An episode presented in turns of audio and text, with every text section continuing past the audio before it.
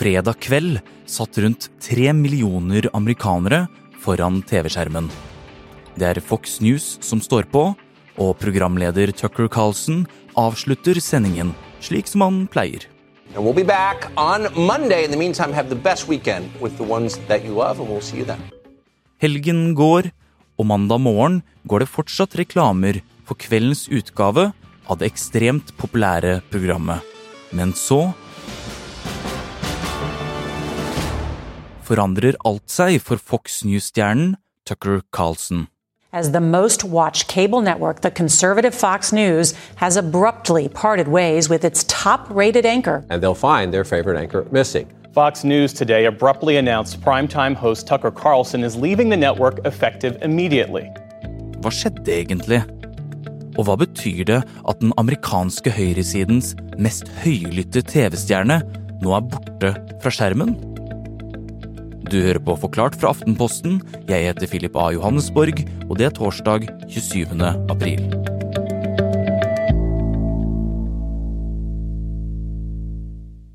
Øystein Langberg, pleide du å se på TV-programmet til Tucker Carlson da du var i USA?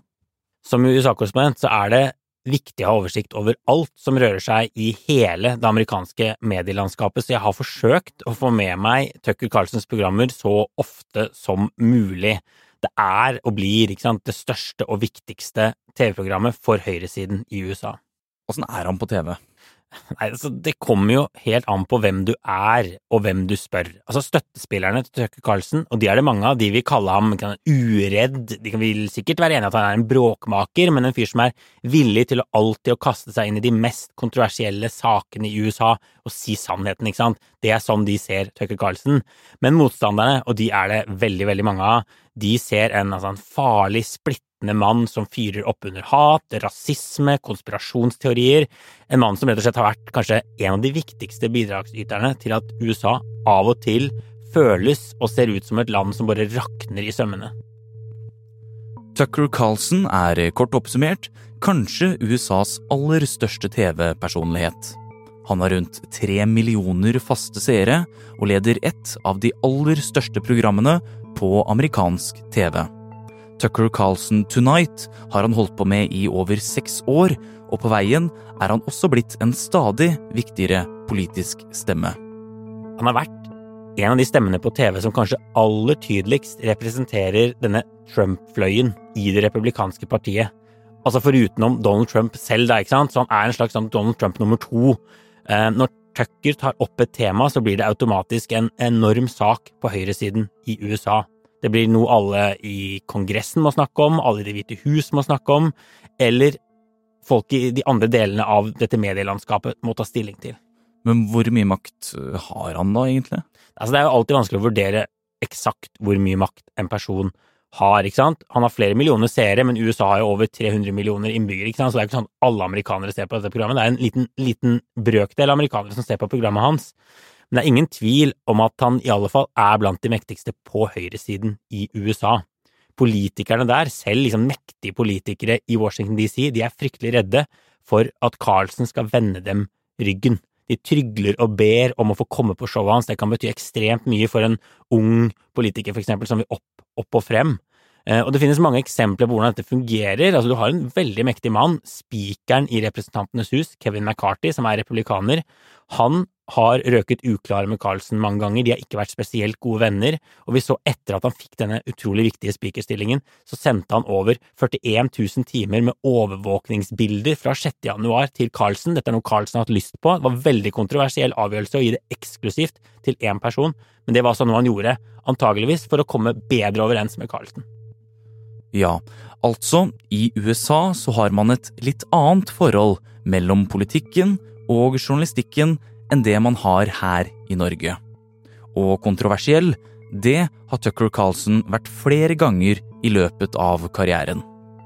Tucker Carlson han lever jo av å skape kontroverser. Han sier ting som mange vil oppfatte som drøyt eller over streken nesten hver eneste kveld på programmet sitt. En del av kontroversene de har vært knyttet til innvandring.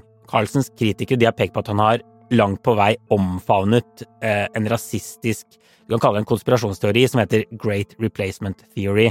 Den går ut på at, eh, at, eh, man mener at det føres en sånn bevisst politikk for å erstatte hele den etniske hvite befolkningen eh, med minoritetsbefolkningen. ikke sant? Og i Carlsens øyne da så er det venstresiden som står bak det. Det har vært en sånn rød tråd i en god del av programmene hans, som i hvert fall har liksom leflet med sånne ideer. Han har også gått veldig langt i å forsvare Putin og Russland, og er dypt skeptisk til USAs Ukraina-hjelp tilbake i, i 2019 for eksempel, så snakket han om, om denne konflikten, da, eh, gryende konflikten mellom Ukraina og Russland, og da sa han liksom eh, hvorfor skal jeg bry meg om det som skjer der, hvorfor skal ikke jeg heie på Russland, sånn som jeg faktisk gjør, ikke sant?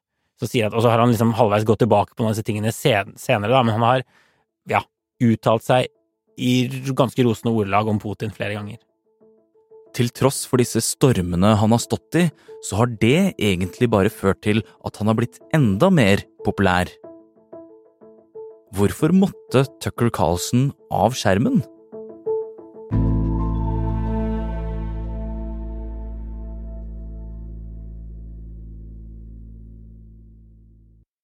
Altså Fox News er den største, det som på engelsk kalles cable TV-kanalen i USA, men på norsk kan vi egentlig si at det er liksom den største kanskje nyhetskanalen i USA i antall eh, seere.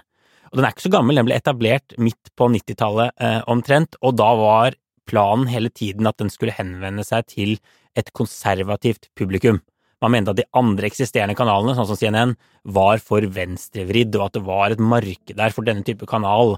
Og så er Fox News si, en del av et stort sånt mediekonglomerat som også eier andre konservative medier i USA, som avisen New York Post og avisen Wall Street Journal, for eksempel.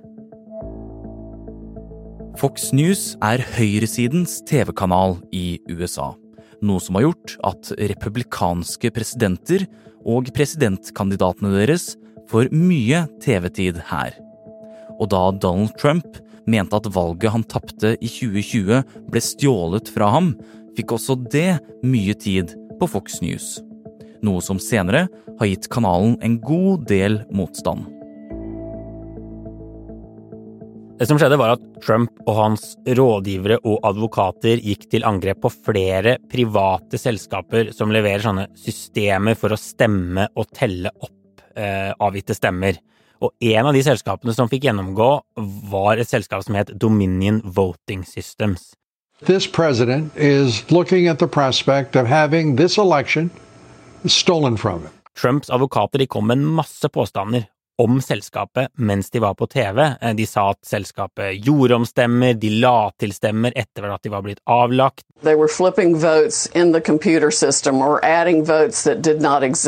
De solgte seieren til Biden, ble det antydet. Noen mente at de, dette systemet ble utviklet for å hjelpe diktatorer i autoritære land med å klamre seg til makten. It was created to produce altered voting results in Venezuela. Altså Problemet var jo at ingenting av det de sa, i hvert fall veldig lite, var sant. Eh, altså om Dominion. Så Dominion gikk jo da til sak tilbake mot Fox News for å få erstatning for at Fox hadde bidratt til å skade selskapets omdømme. De krevde en enormt beløp, altså de krevde 16 milliarder kroner eh, for å få en slags sånn eh, oppretning da, fra Fox, og det er mye penger selv for Fox. Men det som kanskje var enda verre, var at som en del av den eh, saken mellom Dominion og Fox, så fikk verden et innblikk i hva som foregikk i kulissene i Fox News for første gang, egentlig. Det beste innblikket vi noen gang har fått.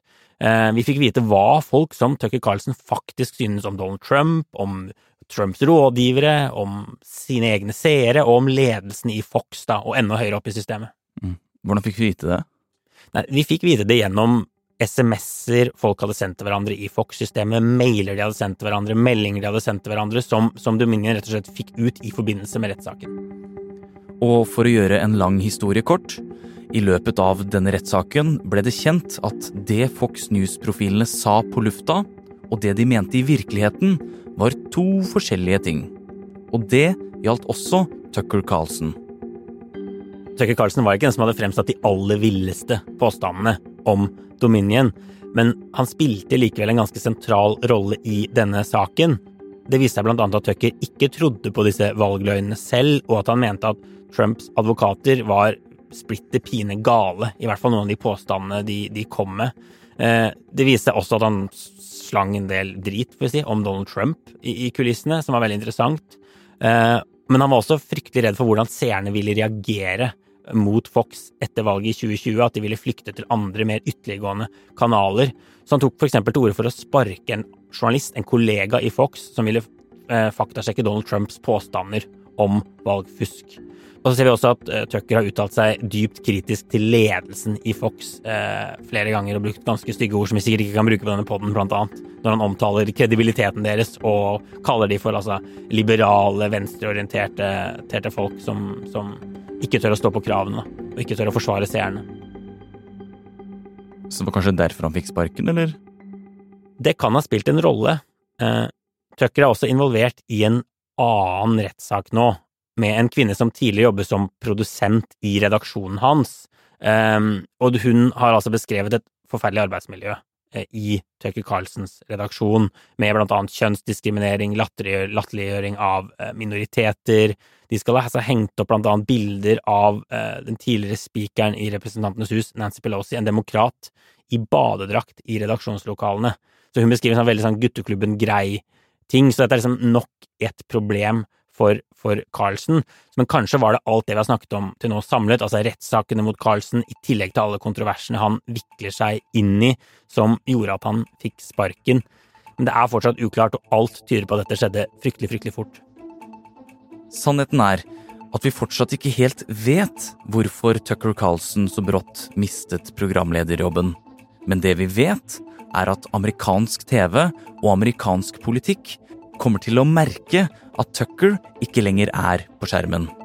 Altså, Nyheten om at Tucker Carlsen hadde fått sparken, det var et jordskjelv i det både politiske miljøet i USA og mediemiljøet, og jeg må si at jeg selv også sperret virkelig øynene opp da jeg fikk denne hastemeldingen inn på telefonen. Dette var ikke noe jeg hadde sett for meg heller, og tydeligvis ikke noe Carlsen hadde sett for seg. Altså, det, det sies da ifølge medierapportene at han fikk beskjed ti minutter før nyheten ble sluppet til verden om at uh, tiden hans i Fox var, uh, var forbi.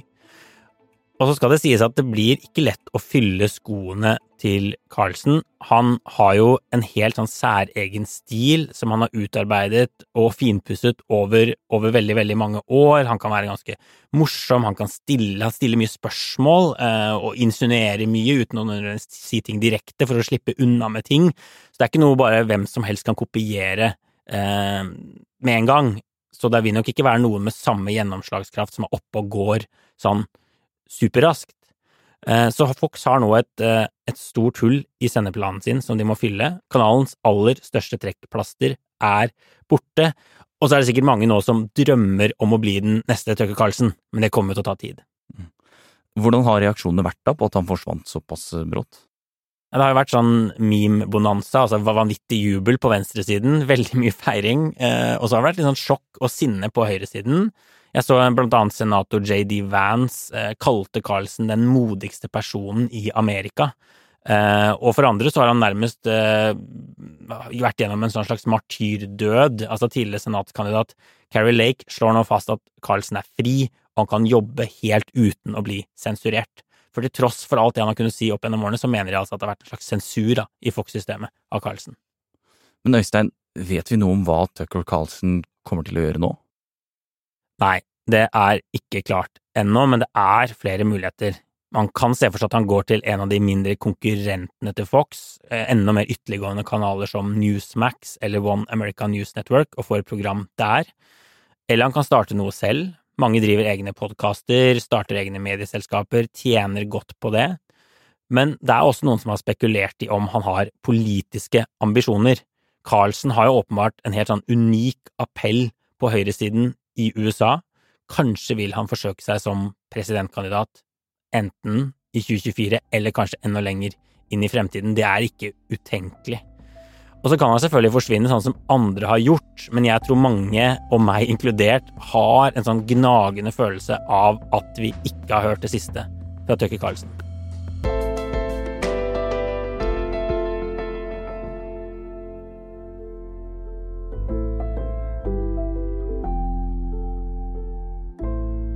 Du har hørt en podkast fra Aftenposten. Det var Øystein Langberg som forklarte deg hvem Tucker Carlsen er, hvordan han forsvant, og hva det kan bety. Øystein Langberg kan du også høre i Aftenpodden USA, som du finner i Podme og i Aftenposten-appen.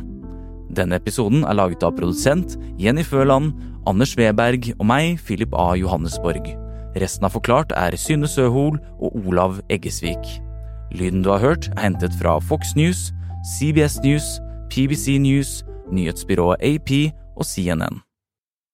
Ok, det finnes spørsmål som det ikke er så enkelt å google, typ Ukraina-krigen. Hva er det som gjør at soldater springer tilsynelatende frivillig inn i døden?